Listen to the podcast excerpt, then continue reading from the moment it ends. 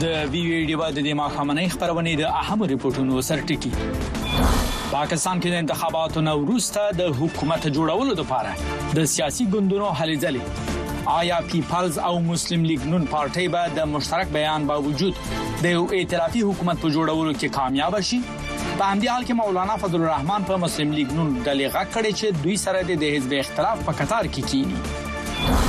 د پاکستان په انتخاباتو کې د ځل د کامیاب خزینه کاندیدانو شمیر په خصوص د خیبر پښتونخوا صوبې نه ولې دومره کم وو د چیرونکو جاج په دې اړه تاسو سره شریک کړو په دوحه کې د افغانستان په باب د نړیوال کانفرنس لپاره آمادګۍ د ایران سفیر ویلي چې طالبانو په دې غونډه کې د خپل اشتراک د لپاره شرطونه وړاندې کړي د امریکا استاذي ټامس ویست به هم په دې کانفرنس کې برخه واخلي مګر وایي چې دوی طالبان پر رسمیت نه پیژني بل پلو مغربي چارواکي د افغانستان په باب خبرو لپاره قرغیزستان ته تللي دي او د امریکا سېنات د اوکراین، اسرائیل او تایوان لپاره د 15 نوي بلین ډالر مرستو مسوده منزور کړه مګر دا مسوده به د استادو په ایوان کې چیرته چې ریپبلیکنان اکثریت دي د چیلنج سره مخ شي جزئیات یې تاسو ته وړاندې کوو نور رپورټونه به هم ولرو په دې هیله چې د پروګرام تر پای از موږ سره مل پاتې شئ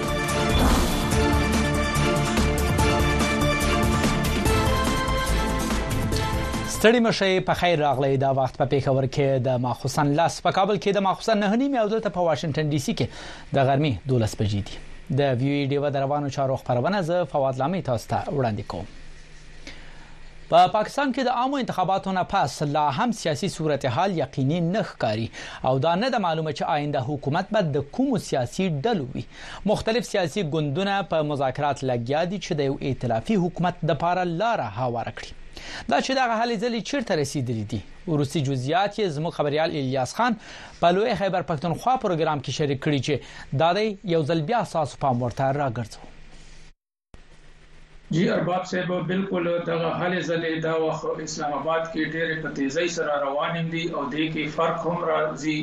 لکه څنګه چې وړاندې دغه ګڼل کېده چې مولانا فضل الرحمن به هم د دې ائتلافي حکومت برخه وي څنګه چې د مسلم لیګ نون سره د دوی ملاقاتونه خو نن مولانا فضل الرحمن چې څوک چې د جیوایفي مشر دی هغه یو خبري غونډه کې پس فروری اتمه نیټه شوی انتخابونو کې د ترغلو تورونه لګولي او ویلي دي چې د دوی ګوند به په اپوزیشن بنچز مخالفه ګوندونو په څوکو باندې کینی او د ائتلافي حکومت برخه به نه جوړیږي. ده د ګوند د مسوولې ګوند مشر نواز شریف ته هم بلنه ورکړې ده چې راشي او په اپوزیشن بینچونو باندې کیني خو ددې تر څنګ که بیا موږ وګورو نو مسلم لیګ نون او پیپلز ګوند ورسره ایم کیو ایم او دغه رنګ مسلم لیګ کاف دغه څلور واړه چې بیا راغونډ کړي او دوی چې کوم وینا کړې ده چې موږ به یو مشترکه حکومت جوړو نو هغوی ته بیا دغه رنګ دغه سیمپل میجارټی ساده اکثریت سره دوی دغه خپل حکومت جوړولی شی کل د دی سره دی سره چه ریزرټ سیټ هم شامل کړی شی د زنانو شپېته او دغه رنګ د اقلیتونو لس او هغی کی دوی ته خپله برخه ملاو شی نو بیا فعلا چه کومی شمیری دی نو د سیمپل میجارټی د پاره یو سل یو کم اویا دغه وټونه د دوی بیا برابریږی بل خوا د پاکستان تحریک انصاف له خوا چه کومی دعوی کیږی چه دوی ته یو اویا او یو اتیا قومي اسمبلۍ غړو د دغه وټونه به ترلاسه شي او هغه په ظاهره باندې چې تر کومه پورې د الیکشن کمیشن نه دغه سرکاري نتیجې نه وی راغلي د دې ګزټډ نوټیفیکیشن نه وی راغلي دا غي نه رسته و بیا پته لګي چې آیا د دوی دغه یو سل یو چوکۍ دي او کنه دغه ته د دوی چوکۍ نور زیاتې شوي او په ظاهره چې دغه سلور ګوندونه چې کوم آیات کل د دوی د ټولو نه زیات ووټونه دي او د دې نه علاوه که بیا نور راغونډم کړو مونږ په دوه سوه او پنځه شپېته چوکو باندې دغه الیکشن شوی دی نو بیا هم پي ټي آی سره د یو سل شلو پورې چوکۍ هم نه برابریږي نو تر دې دمه خو دغه کیسې روانې دي په اسلام اباد کې چې دغه یو ائتلافي حکومت به وي خو پیپلز ګوند لخوا تر دې دمه څه ویل شوي دي چې دوی به د وزیراعظم چې کومه چوکۍ ده هغه مسلم لیګ نون ته پرېښې ده چې د خپل خوښې کاندید دې په دې باندې راولي دوی به یې ملاتړ کوي البته د ګوند شریک چیرمن بلاول بټو زرداري دا ویلي دي چې دوی به د چیرمن سېنېټ د صدر او د قامي اسمبلۍ سپیکر لپاره خپل خپل کاندیدټس ودروي جی ارباب الیاس صاحب تاسو هم خبرو کې وویل او داسې راپورټونه هم مخې ته راغلي دي چې دغه ائتلاف ائتلافي حکومت جوړونکي سیاسي ګوندونو مشران وایي چې پاکستان د مشکل نه تیریږي دا ائتلافي حکومت به څنګه وي وزیر اعظم چوکۍ به څوک اخلي او د خزانه وزیران او نور اهم چوکۍ به چا سره وي ارباب صاحب تر دې دمه که څه هم یو سرکاري ګډه اعلامیه خو دوی نه ده خپره کړې خو چې څنګه د دواړو اړخ خواو د پریس کانفرنسو نه یا خبرو نه پته لګی نو ایی کی خو پرون چی سنګه بلاول بوټو زرداری وی ظاهره د پیپلز ګوند نه د ملاتړ بغیر هیڅوک هم دا وخت حکومت نشی جوړی ای یو ښه راکړه ورکړه په پوزیشن کی دی نو هغه دغه ویلی دی چی مونږ چونکه د پی ایم ایل این چوکۍ زیاتی دی نو د وزیر اعظم دغه چوکۍ به د پی ایم ایل این سره وی البته مونږ به دا غواړو چی صدر دی ده دا ویلی چی د ملک کومی ستونزی دی دا زرداری نه علاوه څوک نشی حل کولی او د هغې نه وروسته بیا زرداري په خپله باندې پاکستان تحریک انصاف ته هم بلنه ورکړې وه چې هغه یې راشي او د هېواد د دې ستونزو نه راوښکلو دپاره دې هلال د دې حکومت برخه جوړه شي ولې چې یو ګوند په یوازې باندې دا حکومت د دې ستونزو نه نشي راوښکې نو دغه رنګ ظاهره ده چې چا بیا وزیراعظم یې د خپلې خوښې او کابینه جوړوي او په بل ګوند د وړاندې نه دا ویلي وو چې مونږ به د کابینې برخه نه یو نو چې کوم مهمه چوکۍ ده د خزانه د وزیر هغه به بیا مسلم لیګ نون تلسي او دغه رنګ نور چې کومه مهمه خارجه چارو ده د داخله چارو ده نور ضروري چوکۍ چې کومې دي دا بیا ظاهره ده چې کوم لوی ګوند وي په اسمبلی کې دغه بیا هغه ته ځي او د دې ترڅنګ دوی یو کوارډینیشن کمیټې همکارۍ یو کمیټې دواړو غړو جوړه کړې ده د پیپلز ګوند او مسلم لیګ نون د چا چې نن هم یو غونډه شوې ده او په هغه کې د پارلیمنت غړي سینیئر سیاستدانان دي او هغه ملک تر پیښو چې کومې ستونزې دي غټه هغه اقتصادي دي د سیاسي بې ثباتي ده د غرنګ بیروزګاری ده غربت ته په دې باندې نن یو پړاو کړی دی او سبب هم په دې باندې دویم پړاو کوي او د دې دغه وینا ده چې مونږ به د دې لپاره په ګډه سره ټول خپل هلې ځلې کوو چې دغه رنګ دا هېواد د دې ستونزو نه راوباسو ولې چې که په موجوده وخت کې مونږ پیپلز ګوند وایي مونږ هم رسته شو او دغه رنګ چغې سورې مو جوړې کړې چې دلته کې درغلۍ شوي دي نو بیا ملک په دوباره انتخاباتو ته ځي او پاکستان یا ریاست د دې جوګه نه دی چې په داسې لنډ وخت کې بیا انتخاباتو ته لاړ شي او ملک په داسې سیاسي بې ثباتي وي نو بیا ملک ډیفالټ طرف ته تللی شي سمه ده الیاس صاحب تاسو ډیره مننه چې دغه معلومات مو اوریدونکو او کتونکو سره شریک کړو مننه ډیره مهرباني لکه څنګه چې مو واوریدل د پاکستان تحریک انصاف نه علاوه د هیواد نورو لوی سیاسي ګوندونو هم د یو شریک حکومت جوړولو اعلان کړی او ویلي دي چې پاکستان دا وخت د سختو حالاتو نه تیریږي ځکه دا فیصله کړې ده څېړونکي وايي د دغه شان مخلوط یا شریکو حکومتونو د پاره په آزاده لوی فیصلې کول ګران وي او که چیرته داسې حکومت جوړیږي نو مشکلات به ورته نور هم زیات شي تفصیل د اسلام آباد نه اورنګزیب خان په دې رپورت کې وړاندې کوي په اتمه فرورۍ شوو انتخاباتو کې يو سياسي ګوند هم د قامي سملې دومره چوکۍ نه دي ګټلې چې په يوازې په خپل سر مرکز کې حکومت جوړ کړي. پاکستان مسلم ليګ چې د پاکستان تحريک انصاف حمايت يافته د ازاد اميدوارانو نه پس يې د قامي سملې تر ټولو زياتې چوکۍ ګټلې دي، نورو ګوندونو ته يې اتحادي حکومت جوړولو بلنه ورکړې وه. او تېره شپه پاکستان پيپلز ګوند، متحده قامي مومنټ، پاکستان مسلم ليګ کاف، استحکام ګوند او بلوچستان عوامي ګوند په شريکه اعلان وکړو چې مرکز کې حکومت جوړولو دپاره به دوی د مسلم ليګ حمايت کوي. ځکه په ماضي کې هم مشکلات جوړ شوي دي حکومتونو ته. دا حکومت به هم زما په خيال په نېغ په نېغه په خپله د فيصلې کولو په پوزيشن کې به نۀ کمزوری حکومت به وي کله به هم د ده راغورځېدل اسان وي، يو جومات پکې شاته نه څوک وباسي او دا جومات به هم راوغورځېږي، نو زه پخپله دا ګڼم چې په دې وخت کې چې کوم حکومت به جوړېږي په هغې کې به فايده چې کوم خلک به په حکومت کې شامل وي هغه سياسي جماعتونو هغه خلکو ته خو کېدای شي خو د هغه سياسي جماعتونو کارکنان چې هغه عوام دي هغې ته نه شي کېدای. بلخوا پاکستان تحريک انصاف په مرکز کښې مجلس وحدت المسلمين او خيبر پښتونخوا کې جماعت اسلامي سره د حکومت جوړولو اعلان کړی دی خو جماعت اسلامي د تحریک انصاف سره د مرستې نه معذرت کړی دی په اتمه فرورې شوې انتخاباتو کې د ګوند دننه یا انټرا پارټي الیکشن نه کولو له وجې انتخاباتو کمیشن پاکستان تحریک انصاف نه د دوی انتخابي نښه بیټ واپس اخیستی وو ځکه دې ګوند کاندیدانو په ازاد حیثیت په انتخاباتو کې شرکت کړی دی. د انتخاباتو په نتیجه نوی حکومت به داسې حال جوړیږي، پاکستان د سخت معاشي مشکلاتو او زیاتیدونکې ترهګرۍ سره مخ دی. د خپل اوټ بانک ښه کولو لپاره او د خپلو کارونو لپاره هغه به په مسلم لیګ نون وزیر اعظم کوم چې شهباز شریف ښکاري چې هغه به جوړیږي په هغه باندې به دباو اچوي هغه به مجبوري او کوم د ملک غټي غټي مسلې چې کمی دي نو هغه ته به هغه شان توجه نه ورکول کیږي لکه د ملک ټول نه غټ توجه مسله چې کومه ده هغه معیشت ده او دهشتګردي چې دا نو هغه بیا په پاکستان کې ډېر شوی دا د غدرې مسلې چې کمی دي نو د ته به هغه شان توجه چې دا هغه ملاو نشي د انتخاباتو نه وړاندې هم د پاکستان تحریک انصاف حکومت ختمولو لپاره د نه سیاسي ګوندونو اتحاد شوی وو ورستو دوی حکومت هم جوړ کړی وو او ناقدین وایي د شپاړس میاشتو حکومت هم مجموعي توګه څه کارکردګي نه ده ښودلې. پاکستان کې وړاندې هم د سیاسي ګوندونو اتحادونه جوړ شوي دي، خو په تېر وختونو کې به داسې سیاسي ګوندونو اتحادونه زیاتره د پوځي آمرانو خلاف جوړېدل. اورنګزېب خان، وایس اف امریکا، ډیوه، اسلام اباد.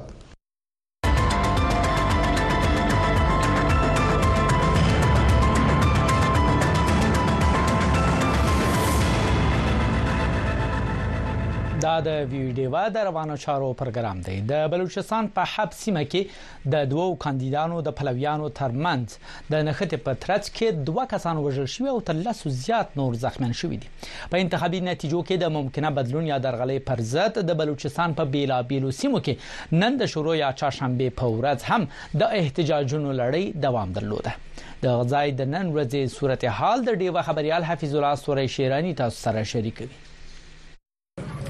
سلامونه حفیظ الله ستوري شرانه ما تاسو وایس اف امریکا دیوا ګوري دا وخت د بلوچستان او خیبر پښتونخوا ترمن چې کومه لوی لار غزیدلې ده پر دغه سړک باندې وزارت کراسته نږدې د بوستان په سیمه کې ولاړ یو د پښتونخوا نېشنل عوامي ګوند له لوري څخه د احتجاج په توګه دغه سړک شاوخوا تر لس زیاته ځایونه تړل شوی دی هم دغسی د یاد ګوند له خوا څخه د کوټی چمن، د کوټی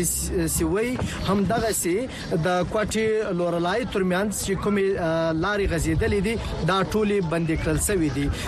د یاد ګوند له خوا څخه دا لاری ځکه تړل شوی دی چی دوی دا تور پوری کوی چی د اتمی فرورۍ د عمومي ټولټاکنو چې کومې نتیجې دي د هغو پایلې بدلې شوې دي او په هغه کې د دوی د امیدواران چې دي یا کاندیدان چې دي د هغوی ګټه یې په شکست بدله کړې ده لمر سره دلته د یاد ګوند یو غړی ایډوکیټ اورنګزیب خان دی تاسو راته وایست چې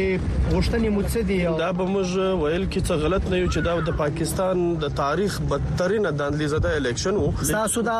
احتجاج چې دی دا به تر څو پوری د لارې به تر څو پوری ستوري صاحب دا به تر هغه پوری وی چې تر څو پوری د نوټیفیکیشن به ته کینسل سوی لارې به تړلې لارې به تړلې وی او دا به د غیر معینه مدت لپاره تاسو وکړه چې دوی وایي دا احتجاج به تر غیر معینه مدت پوری وی دلته مشګورو چې په ګڼ شمیر کې مسافر وړونکي لوی لوی موټران واړه موټران هم دغه سي مال وړونکي موټران هم دلته موجود دي مسافرو ته هم مشکل دی تکلیف دی خو د دوی د ګوند د مشرتابه په وینا چې وايي دغه تکلیف د پنځو کالو تر تکلیف کم دی ځکه له خلکو دا غوښتنه کړې ده چې هغه دې دغه تکلیف د څو ورځو لپاره برداشت کړي له بلې خوا په بلوچستان کې موږ ګورو چې د څلور جماعتي اتحاد احتجاجي تحریک هم دوام لري چې هغه کې هزاره دیموکراتیک ګوند دی پښتونخوا ملي عوامي پارټي ده نېشنل پارټي ده او بي ان پي منګل دی په کوټه کې د ډیپټي کمشنر او د مشتر کوټي د دفتر تر مخ پر احتجاجي پرلت باندې ناست دي د دې ترڅنګ د نېشنل پارټي له خوا څخه په کلات کې هم د احتجاج لړۍ نن دوام لري او هلته یې سړکونه بند کړي دي که د تشدد خبرې وسی د بلوچستان په حب سیمه کې بیګا ماښام د دوو آزادو کاندیدانو د پلویانو ترمن د الیکشن د نتیجو پر سر باندې شخړه رامنځته شوې چې پکې دوه کسان تر اوسه پورې وژل شوي دي د پولیسو چارواکو په وینا چې ډیری پکې ټپیان دي که د ځینو حلقو د نتایجو خبره وکړو د الیکشن کمیشن لخوا څخه د ان ای 253 یعنی د قامي اسمبلی 253 چې کومه حلقه ده او د دې ترڅنګ د صوبایي اسمبلی نه چې کومه حلقه ده پر دې د دې او پولینګ سټیشنونو هغه الیکشن کمیشن د دوباره پر دغه پولینګ سټیشنونو باندې د انتخاب کولو امر کړی دی او دا به پر شپاړس مه فروری باندې کیږي د دې ترڅنګ تر اوسه پورې د صوبایي اسمبلی حلقه درې چې ده د هغې نتیجه په سرکاري توګه نه د خبره سوي هم دغه سي د کلات چې کومه حلقه ده صوبایي حلقه شپږ دیز د هغه نتیجه به الیکشن کمیشن وایي چې پر 19 فروری باندې خبروي د سیاسي ګوندونو لخوا څخه موږ ګورو چې د یو بل سره د اتحاد خبرې هم روانې دي په بلوچستان کې د حکومت د جوړولو غاخو دا وخت ځکه هم د حکومت د جوړولو یا د اتحاد داسې واضح خبرې مخې ته ځکه نه دراغلي چې زیاتره سیاسي ګوندونه پر احتجاج باندې دي او اکثره ګوندونه چې دي هغه دا تورونه پوري کوي چې په بلابلو سیمو کې چې دي هلته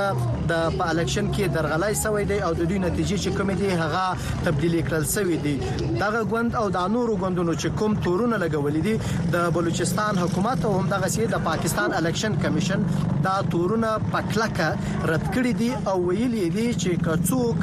د داسې تورونو کوم ثبوت لري هغه د قانوني لارې چارې خپل کړي او له هغه لارې دي خپل حق ترلاسه کړي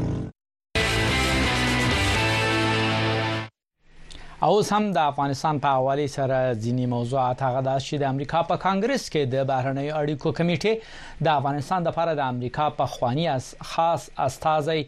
زلمی خلیزاد ور بللې دي چې سبا د زیارت یا پنځمه پورز هغه کمیټې ته حاضر شي او د طالبانو سره د دوه لوزنامې د عملي کېدو په اړه ورته معلومات ورکړي خلیلزاد څو کاله وړاندې د طالبانو سره په دوحه کې مذاکرات مخته یوړل او د دوحې لوزنامه یې هغو سره لاسلیک کړه خو اوس امریکایي قانون سازان څه غواړي او ولې خلیلزاد د اوریدنې مجلس ته وربللې دی په دې اړه به تفصیل زموږ همکار پیر زبیر شانه وورو چې همدا شیبه د امریکا د کانګرس ایوان د مخینه موږ سره په پروګرام کې مل دی پیر زبیر شاه ستړي مشه په خیر راغلی په خیر راغلی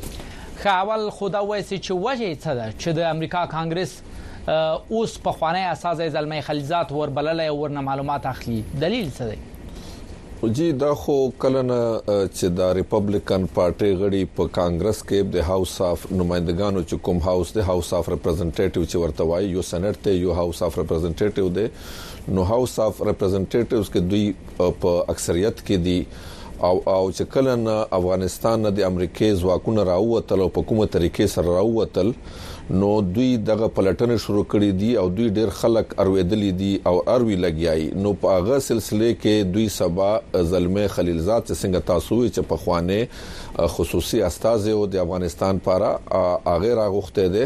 او هغه نه به دغه تپوس کوي چې دا د څنګه د لوزنامه وکړه سو وجوهاتو چې دوی وکړل او بیا ولې هغه څه وشول چې کوم مونږ ولیدل چې وشول چې کله افغانستان امریکا راووته نو دغه ټول هغه ما څنګه وویل چې سلسله ده او دوی به تپوسونه کوي او دوی کوشش کوي او سپیشلی ریپبلیکنز پارټي والا دي نو دوی به د ډیموکراټک په حکومت کې د صدر بایدن په حکومت کې افغانستان نه د انخلا وشو نو دوی په غوي باندې هم نیوکه کوي یو قسم سیاسي اختلاف هم دی او یو سیاسي وار په کوي لګیا دی په داسې کال باندې په داسې ټایم باندې چې دلته د الیکشن کال دی او که تاسو وګورئ نو ریپبلیکن پارټي چې د ناکامي یادوي د بایدن حکومت نو هغه ټول غټه ناکامي دی دا بلی چې افغانستان کې د طالبانو راتګ او په کوم طریقې سره د امریکای ځواکونه چې راوتل دا نو پکار نو دا مکه سلسله ده چې دوی کوشش کوي چې پلټنه وکړي او چې کوم ذمہوار کسان وي هغه وټاکي که څه هم د دوحې په لوظنامې باندې نیوکې هم ډېرې شوې دي، مګر خلیلزاد وخت نا وخت خپل دغه مېشن کامیابه بللی او د دوحې لوظنامې دفاع یې کړې. نن سبا په واشنګټن کې سیاستمداران څه وایي چې ایا هر څه د هغې لوظنامې مطابق روان دي او که څنګه؟ نو جی دا لوظنامه خو موږ ولیدل چې دا لوظنامه وشوه، ریپبلیکنز پارټۍ چې کله دا خبره وکړي نو هغوی هم دا ریپبلیکن پارټۍ په حکومت کې دا شی شوی و، خو دلته دوی دا اوس طالبان خو چې سرته هم خبرې کوي نو دوی د دوه لوزنامې ته اشاره کوي هغه ولې چې الته موږ داسې ویلي خو دلته داسې ویل کیږي او سپیشلی د ریپبلیکنز پارټي غړي هغه هم دا وایي چې طالبان ډیر داسې ژمنه وي چې کوم هغه پوره نکړي او هغه باوجود د اشرف غنی حکومت نه دوی ډیر زیات ګټه واخیسته خو طالبانو په جواب کې هغه سيزونه ونکړ چې کوم په دوه اګریمنت کې او سپیشلی اوس بیا چې کوم طالبانو د قدغنونه لګولې دي بیا چې کوم حالات روان دي بشري حقوقو په حق سره د خزو تعلیم او روزګار نو هغه خلک بیا وایي چې ګوره طالبان بدل شوی نه دی او په کارو چې د لوزنامه داسې نه وي شوی بیا د بهرنۍ چې کوم ترهرګر ډلې دي هغه هم اوسه پورې چې کوم د د یو ان ملل متحد والا رپورټونه دي نور رپورټونه دي او کوم د خبره کوي چې طالبان القاعده او نور ګروپونه اوس هم لکه طالبان او القاعده نږدې دي سره او دغه سه نور داسې ډلې دي ترهرګر ډلې چې هغه افغانستان کې اوس هم ژوند کوي او تنه عملیات کوي نو دلته دا غشته چې طالبانو اول ورځ نه بنیادی چې ډېر خبره داسې وي چې کوم په کار چې دوی منلې وي پر دوه اګریمنت کې هغه دوی نه دی منلي او د دوه لوزنامې د البته د لوزنامه چې واغه د پخوانی صدر ډونالد ترامپ په وخت کې لاسلیک شوی و مګر وروسته چې د تطبیق مرحله را ورسیدې نو دیموکرات جو بایدن صدر شو په امریکا کې بایدن د دې لوزنامې سره څنګه رویه کړې ده په دې تیرو دوه درې کالو کې. نو جی بایډن خو ګورئ که بایډن انتظامیه چې کوم د سټیټ ډیپارټمنټ خپله هغه کړه پلټنه یې کړې وې که تیر کال یو رپورټ راغلی و نو هغوی هه دا دوحه اګریمنټ ویلی و دوی دا دریز ورکړی و د بایډن انتظامیه چې دوحه اګریمنټ الریډي چې کله دوی ته راغلی نو هغه دا سو چې ټیم پوره و دوی په اول نه په عمل دواړه سایډونه کړی و نو دوی ته نو ممکن دغه انتظامیه ته چې دغه شینه واوړي او دا اګریمنت ختم کی یا بل اګریمنت وکي یا نو هغه وجه نه دوی چې موږ ورسره دغه سه وساتل خو ریپبلیکنز چې کوم ون کسان دی هغه وی چې نه پکار دي چې تاسو ډیر داسې خبرې وي چې کوم طالبانو نه منلې هغه تاسو په منلې وي او ضروری نه و چې تاسو په دې طریقې سره وتلې چې چې کوم طریقې سره تاسو وته نو دا نیوکه پکېږي خو بایدن انتظامیه ټول هغه په دوی اړوي په دوحه اګریمنټ اړوي چې دا دوحه اګریمنټ او دا صدر ټرمپ انتظامیه کړی و نو دوی چې زیات ذمه واري په غوي باندې راځي او یو وروستي پښتنه په کانګرس کې د خلیلزاد په ګډون د سبا ورځې د اوریدنې مجلس چې کوم دی په دې کې به اهم ټکی څه وي آیا دا ستامه شته چې ځینې پټ رازونه به هم راخکاره شي او یا سخت تنقیدونه وشي ځکه تاسو ته یاد وي چې کله د د د بایدن اول حکومت کې چې کله ترامپ صدر ترامپ لاړو نو زلمی خلیلزاد بیا هم استاد و نو هغه باندې نیوکم شوی وي او په بلینکن باندې انټونی بلینکن باندې کانګرس نیوکه کړې و چې دوی نه حاضرېږي اوس خو چې کوم د سبا حاضری چې کومه ده د کې دوه خبرې دی یو خدا دې چې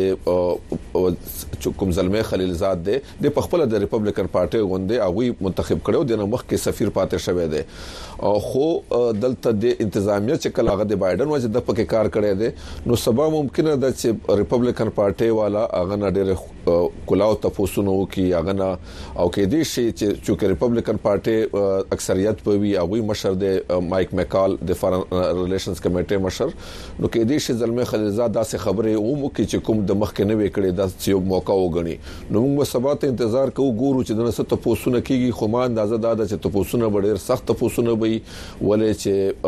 ریپبلکن پارټي غوندونه د هغوی دا وایي چې په کار نه و چې په دې طریقې امریکای وتلې وي چې څنګه دا وتلې او دوی وایي دا جنگ موږ ختمولو دا جنګ موږ بللو نه خو د بایدن انتظامیه دا جنګ وبللو.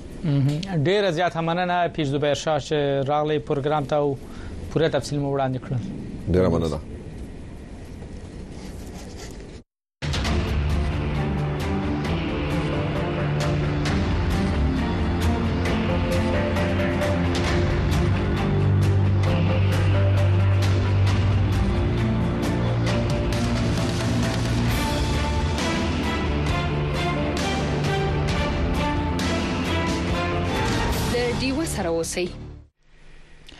د نړیوالو اړیکو چیرونکو وایي په اسلام آباد کې نوې جمهوریت حکومت به د گاونډي هواد افغانستان سره په اړیکو او دغه هواد لپاره د پخوا رئیس جوړ کړی شوی پالیسي باندې ډیر اثر ونه کړي دوی وایي کراتلونکي حکومت غواړي هو هواد د سیاسي او معاشي عدم استحکام څخه راوباسي نو د گاونډي هوادونو سره خې اړیکې او د افغانستان لپاره به ورته د خپلې عسکري پالېسۍ پر ځای سیاسي او معاشي تعلقات ښه کول وي. تفصیل د پېښور نه د ډیوه خبریال عبدالرزاق په دې رپورټ کې وړاندې کوي. په پاکستان کې د نوي حکومت د جوړېدو په هلو ځلو کې یو ځل بیا د دې هېواد بهرنۍ پالېسۍ ته کتلې کېږي چې له ګاونډي هېوادونو او په ځانګړي توګه د افغانستان سره به یې اړیکې څنګه يي. څېړونکي وايي، د ګاونډي هېواد افغانستان سره د پاکستان په اړیکو د ملک د سیکیورټي اسټبلشمنټ نېغ په نېغه اثر پاتې شوی دی. دی وايي، د تېرو جمهوري حکومتونو په څېر راتلونکی حکومت به هم د افغانستان په شمول د ګاونډي هېوادونو دپاره په جوړو کړی شوو تګلارو د اثرانداز کېدو توان ونه لري. کوم هم سیاسی قوت په اسلام اباد کی راځی د هغه مرسته څه کوم دا ملیټری اسټبلیشمنټ سره یا د پاکستان د فوج مشرتابه عاصم منیر څه کوم دا د هغه به دا کوشش یی څه هغه جماعت راشی څه کوم د فوج پالیسیانی په وړاندی بوزی او که نواز شریف راځی یا زرداری راځی دا خلک د اسټابلیشمنت سره همیشه د دې خطا تعلق دا فوج سره د تعلق دا اگر چې وقتن فوقتن مسلې خرابېږي خو هغه د اندرونی ملک حالاتو باندې خرابېږي تیر شپه پاکستان مسلم لیګ نون پاکستان پیپلز ګوند او نورو اتحادي ګوندونو په مرکز کې د حکومت جوړولو اعلان وکړو او وی ویل چې په ګډه به پاکستان د اقتصادي امنیتي او نورو ستونزو څخه د راويستو کوشش کوي ځینې څېړونکي په دې نظر دي چې په مرکز کې د پاکستان مسلم لیګ نون او پاکستان پیپلز ګوند حکومت جوړېدو وروسته د افغانستان سره په ځینو معاملاتو کې اړیکې ښه کېدای شي. که دا دواړه ګوندونه راشي په باور کې پکار ده حالات ښه شي، تعلقات ښه شي، معاشي تعلقات ښه شي، د افغانستان د طالبانو څخه کومه مسئله روانه ده ټیک شي او د کډوالۍ یا د کډوالو چې کومه مسئله ده ټیک شي. دا جنرالي یو عمومي تاثر دا دی.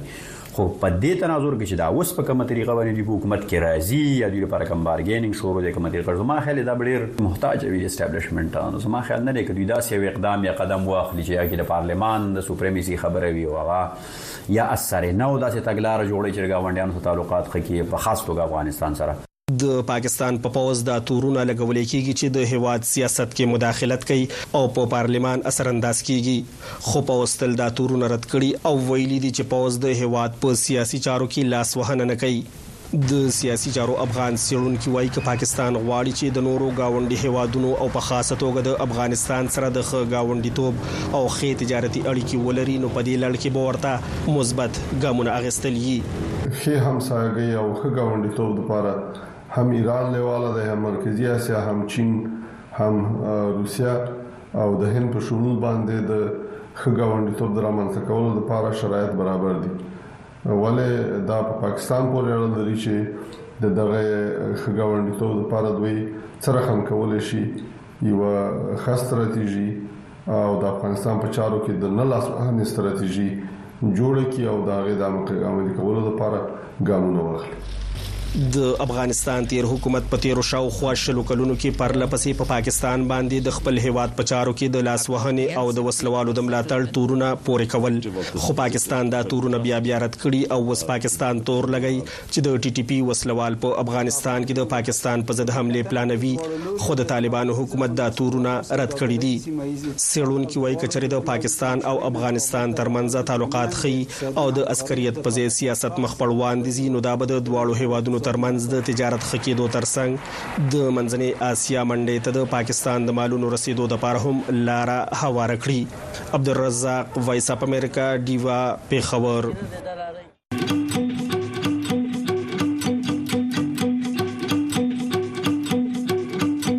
ویوي دیوا په سټلایټ ټي وي هر ورځ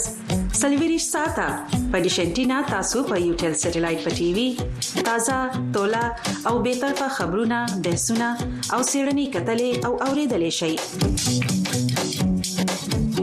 د یوټل سټلایټ فریکوئنسي یا سبې او یا بي او یا اشاریه 15 ایست چینل یو سلدري هر ورځ سلوي ساته لډي وسره اوسئ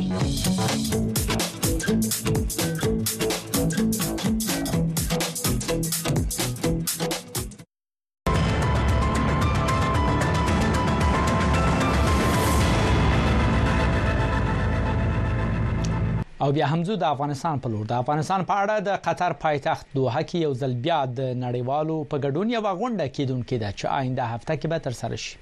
د دغې مهمې غونډې د پاره چې د امریکا خاص استازی ټامس ویست به هم پکې ګډون ولري آمادګۍ روانې دي افغانستان کې د ایران سفیر ویلي چې طالبانو په دې کانفرنس کې د برخې اخیستو لپاره څه شرطونه یې کړي دي بل طرف ته د یورپی اتحاد خاص استازی ټامس نکالسن او د مرکزی اشاره لپاره دغه اتحاد ځانګړي استازی ترهي هاکاله د قرغزستان ښار بشکیک ته رسیدلی چې هلته کې د افغانستان په حواله سره د مرکزی ایشیا د چارواکو سره هم خبرې وکړي د دوه د راتلونکي کانفرنس او قرغزستان ته د یورپی چارواکو د تک په حواله سره د ویو ای ډیوا له چیرونکو اسماعیل خان سره خبرې لرو چې اوس مهال د سکایپ د لارې موږ سره په پروګرام کې دی اسماعیل خان صاحب ستړي مشه په خیر راغلی اسماعیل خان صاحب زما غږ اوري السلام علیکم سلامونه اول که د قرغیزستان نه شروع کړو د یورپی اتحاد استازي چې حالته تللی دي دا سه وخت کې بشکیک ته د تګ مقصد څه ښکاری تاسو په نظر ما ته اوس د دې د دې علاوه سم مقصد ښکاری نه سوای د دې نه چې دی ځان کوی کې چې د قرغیزستان بس نظر ځکه چې ماته په دې کې د وسطي اسیا نور هوادونو کسان پکې راته ښکار نه شول او بل اړخ ته مسله دغه هم ده چې د وسطي اسیا بخنه وړم د غي ډیر داسې مملکتونه دي هوادونه دي چې غي اوس د طالبانو سره سفارتي او تجارتي اړیکې هم لري اوس پاکستان یا ترکمنستان د غي سفارتي اړیکې هم شته دي او رابطې شته دي او تجارتي رابطې مو سره شروع کړې دي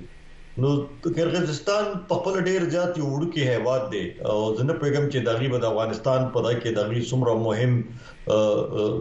رول وی کردار وی چې دغه د پاره د یورپین یونین یا د یونایټډ نیشن چې کوم خصوصي استاد د روزا وطن بای واغ ورته تللی و دی په دې غونډه کې ګډون کړی شرکت کړی دی نو څه زیاته خبرې خو بهر نه دی راوته خو دا خبره ضرور ده چې دی د وینا مطابق چې کوم دی ټویټ کړی دی پای کې دا ویل دي چې د افغانستان په اړه خبرې کړي ترې کړي او او لاړ بشو د دوه په اړه دوه کې د فبرवरी په 13مه د افغانستان په باب د ملګرو ملتونو په کوربتوب غونډه کیدونکې ده ستاسو په نظر د غونډې اهمیت په څه کې دی دا ځای اهمیت خو دی او اهمیت دغسې ته دی تم وګوره چې افغانستان کې طالبانو په خپل باندې هم یو غونډه روکړله او دا ټول ګاونډي هیوادونه هم ورته راغوستي وو ډېر انډونیشیا نور داسې هیوادونه چې هغه سفارتي دغه لري په افغانستان په کابل کې هغه هم په غونډه ته په کابل ته راغوستو خپل نظر ورته وړاندې کړو او طالبانو خپل دریزم لغوندې سخت کړی دی هغه خپل شرایط خو دي د دې غونډې لپاره دا اوس کتل کیږي چې ملل متحد د دې چې کوم استاد دی کوم راغلی و افغانستان ته طالبانو سره لیدنې کتنې کړې وي چې دا غي نه پس د طالبانو چې کوم شرایط دي یا چې سهم دي هغه شرایط خو بار تنوي راغلي خو کوم څوم دي هغه ته څومره ملل متحد وګړي خو ته تیار دي ملګرو ملتونو کوښښ کړی چې د دوه په کانفرنس کې د طالبانو استاد هم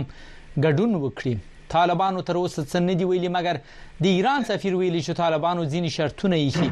ستاسو په خیال دا شرطونه به څه وي او آیا طالبان په دومره قوي موقف کې دي چې څه شرطونه وړاندې کړي نړیوالو ته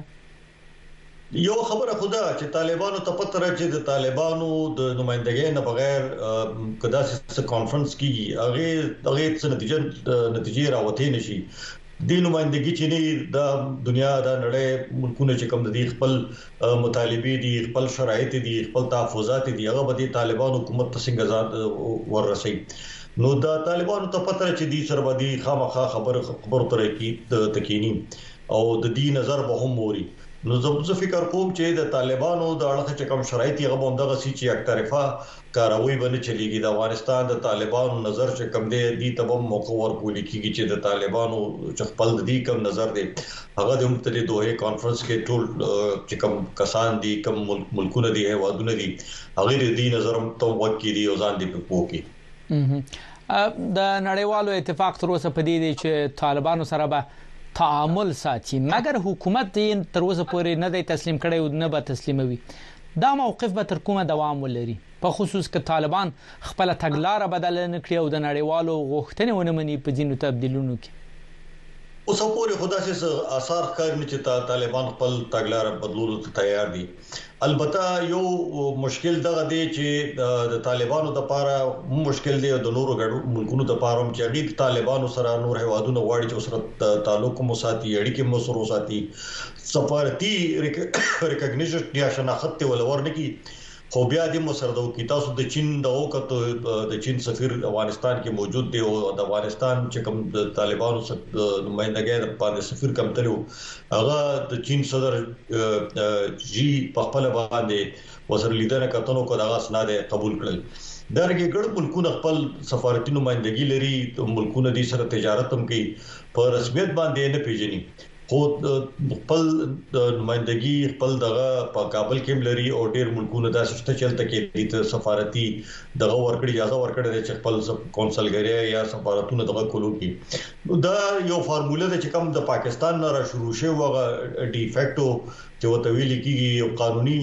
دغه خونوي په پیژنګلو یا شناخت یا ریکګنیشن خونوي خو خدا ضروري چې خپل نمائندګي هلته ولري او اړیکې په څه نه څه طریقې باندې جاري وساتي ډیره زیاته مننه اسماعیل خان صاحب چې پروګرام ته راغلی او خپل نظر مو موږ سره شریک کړ ډیره مننه د بدلون په وخت کې کله چې نړۍ د غیر یقیني سره مخامخ کاری او کله چې موږ ساورو هغه هغه شان نه ښکاری چې څنګه وینو موږ د اړتیا ولټون کوو موږ ته چې کله نیمګړی قصه ویل کیږي موږ پر باور بیلو د کڑکېچ په شېبو کې زموږ خوبونه، امیدونه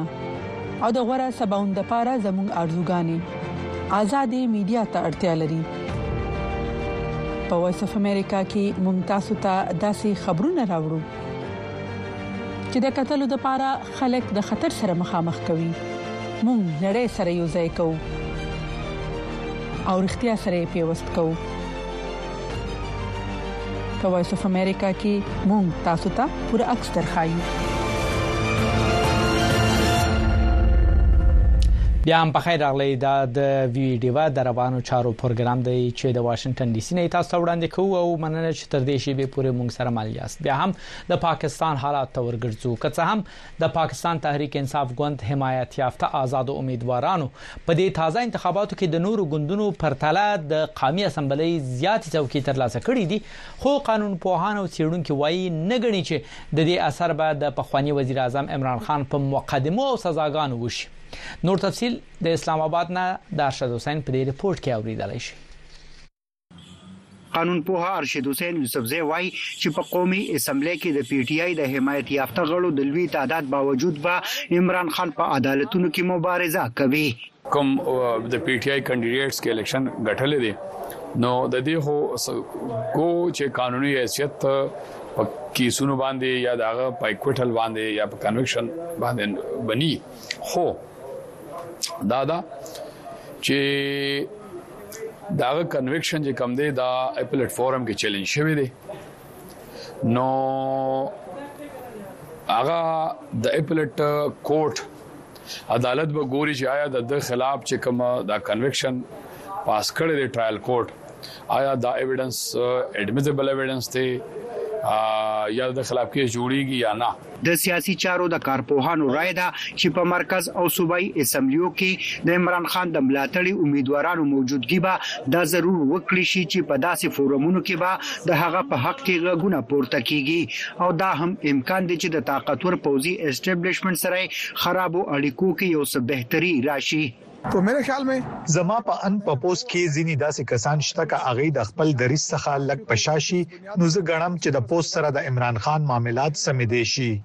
تېره ورځ سپریم کورټ کې د مطبوعاتو سره خبرو کې د پاکستان تحریک انصاف ګوند مرستیال چیرمین او د قامي اسمبلۍ نوي منتخب شوي غړي سردار لطیف کوسا ویلي وو چې د ملکي انتخاباتو له نتیجو څخه مقتدر حلقو او عدالتونو ته یو واضح پیغام رسېدلی دی او باید چې عمران خان پر ضد جوړې مقدمې ختمې کړې شي او هغه دې په سملاسي توګه خوشې کړې شي. قانون پوه او د سپریم کورټ بار اسوسیویشن پخوانی صدر عابد شاهین زبیري وايي، د پخواني وزیراعظم عمران خان سزاګانې یوازې ستر عدالتونه د اپیل د لارې ختمولی شي او چې کله اپیل دایر شي، نو اپیلیټ عدالت به ګوري چې هغه ته اورول شوې سزاګانې د آئین او قانون مطابق دي.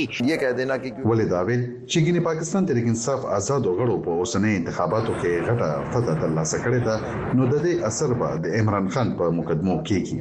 داسې نشي کیدې. ورځپاڼه ډان د سرچینو د قوله وايي چې د لاهور پولیسو په انتخاباتو کې د منتخب شوو د نهه مۍ په پېښو کې د ککړو اشتهاریانو د نیولو لپاره تګلاره جوړه کړې ده. په دغه کسانو کې د پاکستان تحریک انصاف ګوند نوی منتخب شوی ازاد غړی اسلم اقبال، علي امین ګنډاپور او امتیاز شیخ شامل دي. څېړونکي دا هم وايي چې په پاکستان کې د اېن ار او د لارې د سیاستوالو د سزاګانو د بخښل کېدو روایت موجود دی او د پخواني پوځي آمر او صدر پرویز مشرف په واکمنۍ کې د پخواني وزیراعظم بېنظیر بټو په ګډون د زیاتره سیاستوالو سزاګانې معاف کړې شوې وې او د هغوی په قول څه موده وړاندې د اسټبلشمنټ سره د ډیل وروسته د پخواني وزیراعظم نواز شریف ته هم په یو شمېر مقدمو کې خلاصي ترلاسه شوې ده. ارشد حسین وایس اف امریکا ډیوه اسلام آباد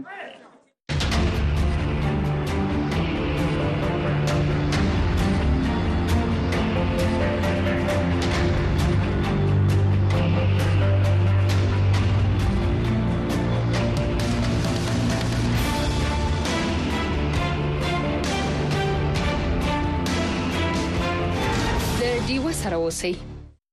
او اوس هم د نړۍ حالات د امریکای سېنات د اوکرين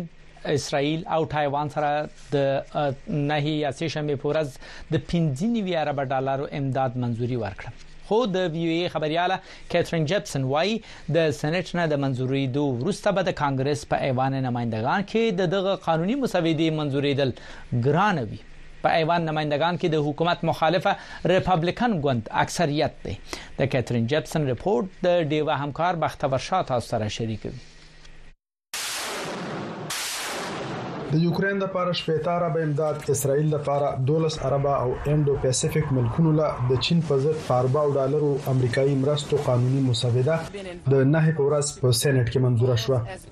صدر بایډن د کانګرس په ایوان نماینده ګان هم غږ وکړو چې دغه قانوني مسوده منزور کړي زه سپیکر ته وایم چې ټول ایوان دې په دې اړه خپل فیصله وکړي او د هغه سو سخت دریزه غړو خبره دې نه مني چا چې په دې د انتخاباتو هم مخالفت کړي خو د ایوان سپیکر مایک جانسن د ګل پورز ویلي تر څو چې د کډوالۍ په نظام کې بدلون نه وي شوی تر هغه دوی په دې قانوني مسوده رائے نشي اچولې تېره هفته د پولې د امنیت لپاره د یو سل اتلس اربه ډالرو قانوني مسوده هغه وخت د ناکامۍ سره مخ شوه چې پخواني صدر ډانلډ ټرمپ د خپل ګوند په غړو غږ کړی وو چې یوکراین ته د نورو مرستو ورکولو په ضد دې رای ورکړي. موږ اوکراین ته وړاندې دوه سوه اربه ډالر ورکړي او که اوس نورې پیسې ورکړو او هغوی له روس سره په راتلونکو درو هفتو کې جوړجاړی وکړي او بیا بیخي له موږ سره تړون کول نه غواړي نو څه به وي؟ ډیموکراټانو د دغې قانوني مسودې منظوري په نړیوالو کشالو کې د امریکا لپاره یو مهم ګام بللی. دا په سېنېټ کې منظور شوی یو تاریخي بل دی. داسې بل چې نه یوازې زمونږ او زمونږ د ملګري هېوادونو په امنیت به ښه اثرات واچوي، بلکې د جمهوریت په امنیت به یې هم ښه اغېزې واچوي. د ریپبلېکن ګوند غړي، یوکراین ته د ممکنه مرستو په سر په خپلو کې وېشل شوي او وايي په کار ده چې د خپلو پولو په امنیت پیسې ولګول شي. تر څو پورې چې انتظامیه د اوکراین په امنیت د شپېتو یا شپېتو نه زیات اربه ډالر لګوي موږ غواړو چې په بدل کې په انتظامیه د خپلو پولو د امنیت لپاره فشار واچو د امریکا په سېنات کې د کم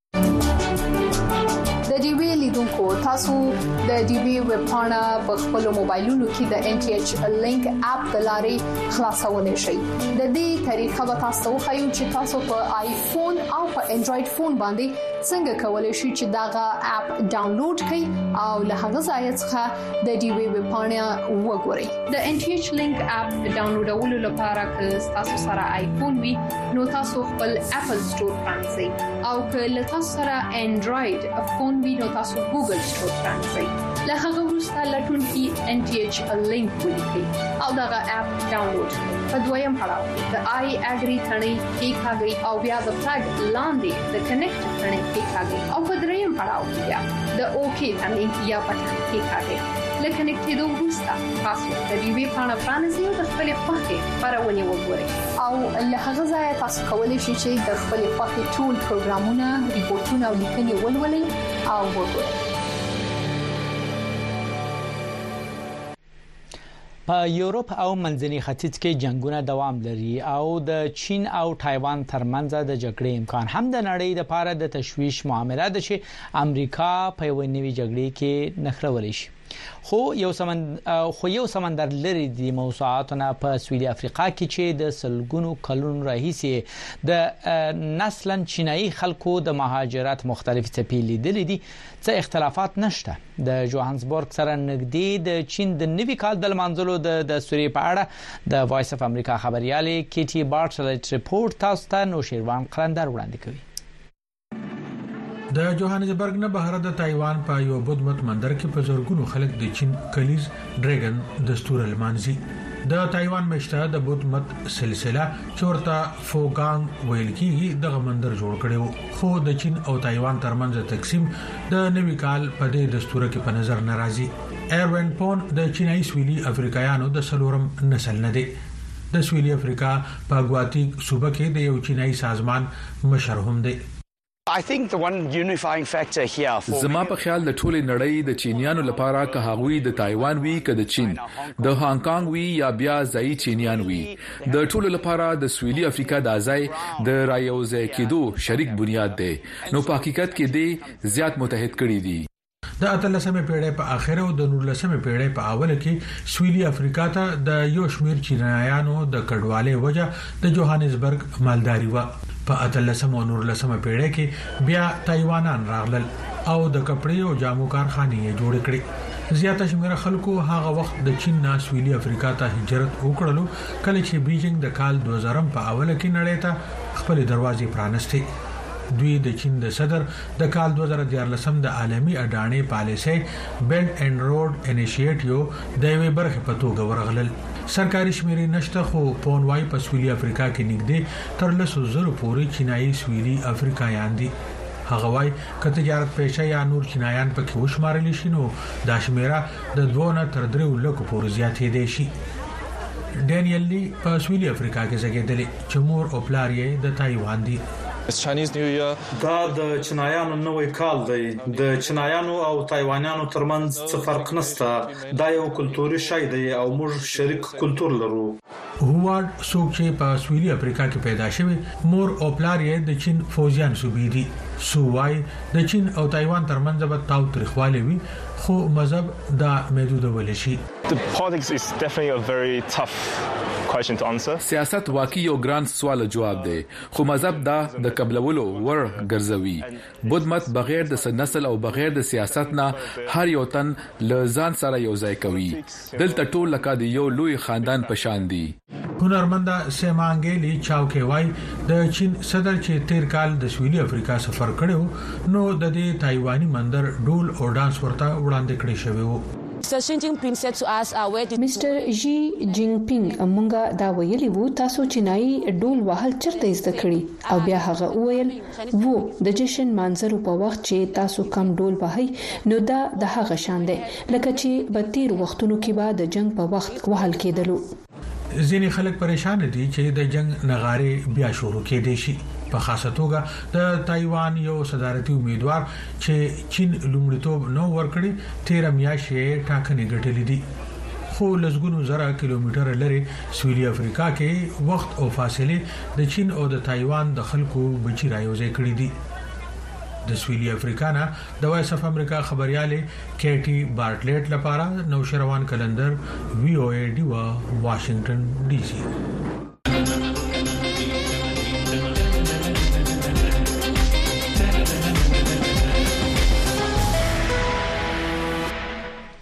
او بیرته ورګرځو د پاکستان حالاتو ته د وزیرستان تشدد ځپلي خلک وایي هیلمن دي چې د دوی له سیمو نوي ټاکل شوي استازي به د خپل سیمو د مسایلو هوارولو ته پام وکړي دوی وایي تر ټولو لوی ستونزه ناامني ده بل ټوله سیمه د تعلیم، بجلی، ګیس، روغتیايي سہولتونو او نورو بنیادي اسانتیاو نه بې برخې ده دوی له خپل استاد غواړي چې نه یوازې ترقیاتي سکیمونو ته وده ورکړي بلکې د امنیتي وضعیت په ښه کولو کې هم خپل کردار ادا کړي عدنان بیټنۍ د نور تفصیل سره یمون نوم نور رحمان دی یمون تعلق د ساوت وزیرستان ماکین سره دی الیکشن وشه په فاټاشه ایکس فاټاشه او په ټول ملک شي الیکشن وشه د می د ساوت وزیرستان یا د اورال ایکس فاټانا چې څومره ممبرون پاشوي دي می د دې نه توقع سوتي چې په علاقې کې کیما بدامنی دو حکیم د علاقې مسله مسائل دي امید دا دی چې ان شاء الله په علاقې کې ښه کردار ادا کوي چونکه خلک ډېر زیات امیدونه دي د نه نوې خلکو مخ شو نو امید دا دی نه امید سو دي چې په وزیرستان کې کیمه په دامنی راونه دو کیم د علاقې علاقې عوام دا د مسله مسائل سره شکایت شوی دی ډېر دوه ښه کردار ادا کوي په ساوت وزیرستان چې وکه سه حالات انتهایی خراب دي چونکه یو طرف ته بیروزګاری دو بل طرف ته بد امنی دو هیڅ پته نه لګي د میدې علاقې خلک ډېر سخت په مشکلات سره ژوند تیرای وته په علاقې شي چونکه روزانه په بنیاد باندې ټارګټ کیل کیږي خلک مړيږي دا پته نه لګي چې څوک پسنو باندې مړيږي خو حالات دې ډېر بې انتها خراب ترقیاتی چارې په نگران سیټ شې مکمل بند شوی وي وسنوي مې برون روغل په چار دالو چې په وزیرستان شې چونکه وزیرستان د 10 12 سال نه پرشه پرشن په واجه متاثر شو تبعی او شولا او د نوې منبرونه د نوې حکومت نامې د توقع سوتي او مطالبه کوي چې په وزیرستان کې داسې تاریخي چارې وکړو چې مطلب په وزیرستان کې یو د تاریخي د د تاریخي ترقیاتي چارې انقلاب وي موږ دا توقع دې لري چې بایدای مشتا ترقیاتي چارې وکړو او بل مش په علاقه کې بدمنی دو او د مش په علاقه کې روډینا نشته دی د مش په علاقه کې چې کیمه داسې چې روډ نشته دی او بل سکولینا هسپتالینا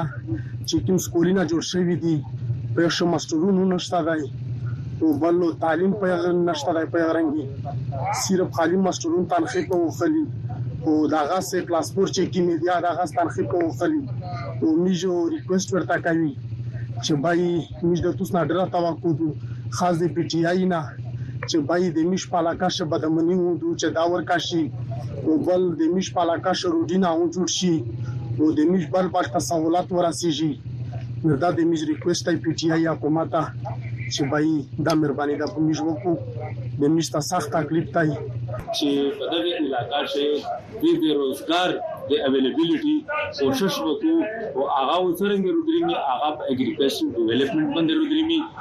چې اګریکلچر ډیولپ شي د افغانستان سره یو په دوی باندې اس قتل حال صرف انګور اډادو او په نارت شه د ګلام خون دی دغه نه علاوه د محصول بیلټ پورا لکه هیڅ غا نشته دی اکسس نشته دی د بارډر د پورا او محسود ایریا په بیروزګار په حواله سره ډیره زوته پسټ روغېدو مونوم جبار خان محسود شرطوي سره مې تعلق دی او یادور ته خو میشو زه چې مثال د الیکشن چې وشو فری اند فیر وشو په ساوت وزیرستان چې ډېر زیات خوشاله الیکشن وشو او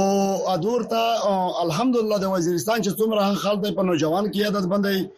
دا اعتماد وکړ او امید ها ان شاء الله دا دی چې وای نوجوان کیا د تو په وزیرستان شه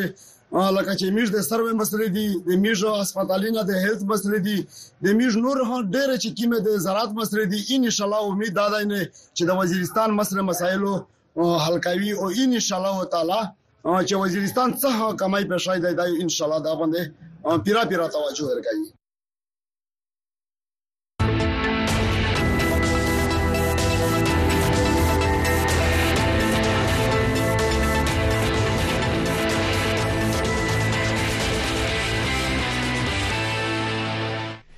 تاسو د واشنگټن ډي سي نه زموږ د روانو چارو خبري خبرونه ګوري او اوري چې په سوشل میډیا هم دا وخت باندې خبريږي د سکهال په اوله میاشت کې په پا پاکستان کې د پولیو وایرس دېرش ماحولیاتي نمونې مثبتې وموندل شوې. د طب پوهان وايي، د دغه وایرس د مخنیوي یوازنۍ لاره واکسین کارول دي. په دې اړه نور تفصیل زموږ خبریال صدام حسین خان په دې رپورټ کې تاسو سره شریکوي. د صحت چارواکي وايي، د پاکستان په څلورو صوبو کې د پولیو وایرس موجود دی او سږ کال په پیل کې د چاپېریال څخه اخیستل شوو نمونو کې د وایرسو تصدیق شوی دی. مطلب مخکې خو دا وه چې یاره صرف په میلمنو باندې فوکس وو چې یاره بهر نه خلک راځي یا هغه ان ویکسینیټیډ دي یا پي ټي پي پوینټس دي نو بهرنی وایرس دی خو دا دلته اوس اسټبلیش کیدل مطلب دا دی چې دې ځای کې ډېر خلک داسې دي اوس هم دي چې ان ویکسینیټډ دي او د هغوی په کولمو کې دا وایرس موجود دی. تېر کال یو سل دولس ماحولیاتي نمونې مثبتې وې او دغه وایرس به اکثره په جنیاتي توګه د افغانستان د وایرسو سره تړاو درلود خو د اوسني کال نمونې په پاکستان کې انټرنل سرکولېشن یا په دې هېواد کې دننه ګردش کوونکي وایرسو نمونې دي. ځکه چې پاکستان کې اوس هم ډېر ماشومان داسې دي چې په خېټه کې یې دغه وایرس موجود دي او هغوی ته د پولیو ضد څاڅکي نه دي ور رسېدلي. د تېر شوي راونډ خبره چې موږ وکړو نو بیا هم په پېښور کې اتلس زره ماشومان داسې يو چې هغه يا په کورونو کې موجود نو او په هغه کې وزره ماشومان داسې دي چې هغه موجود دي خو هغه انکاریان دي نو دا ډیر غټ تعداد دی مونږ دا نشو ویلې چې ګینه انکاریان چې دی هغه کم شوی دي د طب پوهان وایي د نړۍ ټولو هیوادونو د واکسینو په کارولو د دغه ناوړه وایرسو مخنیوي کړی دی خو پاکستان کې او په خصوصي توګه په خیبر پښتونخوا کې په بېلا بېلو وجوهاتو د دغه څاڅکو څخه انکار ماشومان د فالج د ناروغۍ له خطر سره مخامخ کړي دي. ماهرین وايي د پولیو وایرس د مخنیوي یوازنۍ لاره د پنځو کالو پورې هر ماشوم ته د پولیو ضد څاڅکي ورکول دي. نو خدای مه که دې کې اوس داسې ماشومان چې هغه د ډېرې مودې راهسې د هغوی ویکسینېشن نه دی شوی، یا څه ایمیونټي ګیپس دی هغوی ته نو دا وایرس په هغوی باندې حمله کولی شي او هغوی ته د ټول عمر د معذورتیا چې دی دغه ورته لګېدی شي نو دا د پاکستان د پولیو لیبارټۍ د جنورۍ په میاشت کې په دېرشو ماحولیتي نمونو کې د پولیو د وایرسو تصدیق کړی دی. تېر کال پاکستان د پولیو شپږ پېښو ترڅنګ یو سل دولس ماحولیتي نمونې مثبتې رپورټ کړې وې.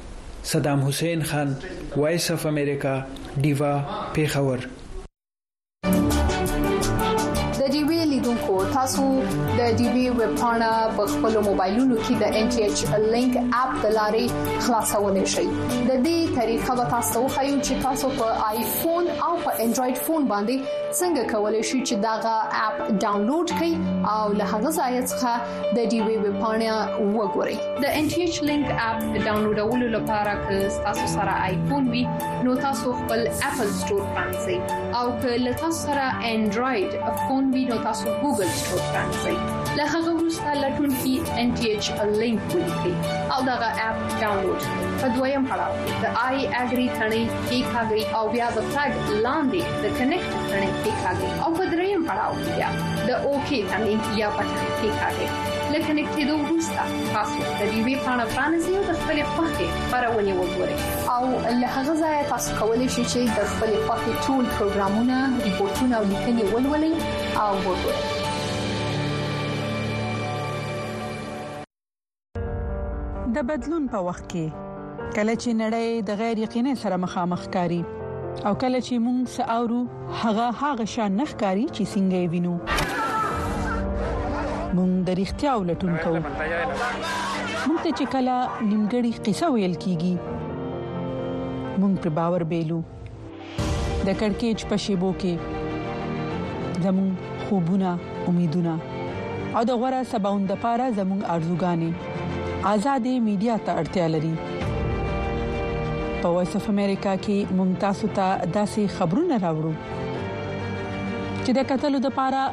خلک د خطر سره مخامخ کوي، موږ نړۍ سره یو ځای کوو او رښتیا سره یې پیوست کوو. په وایس اف امریکا کې موږ تاسو ته پوره عکس درښایو.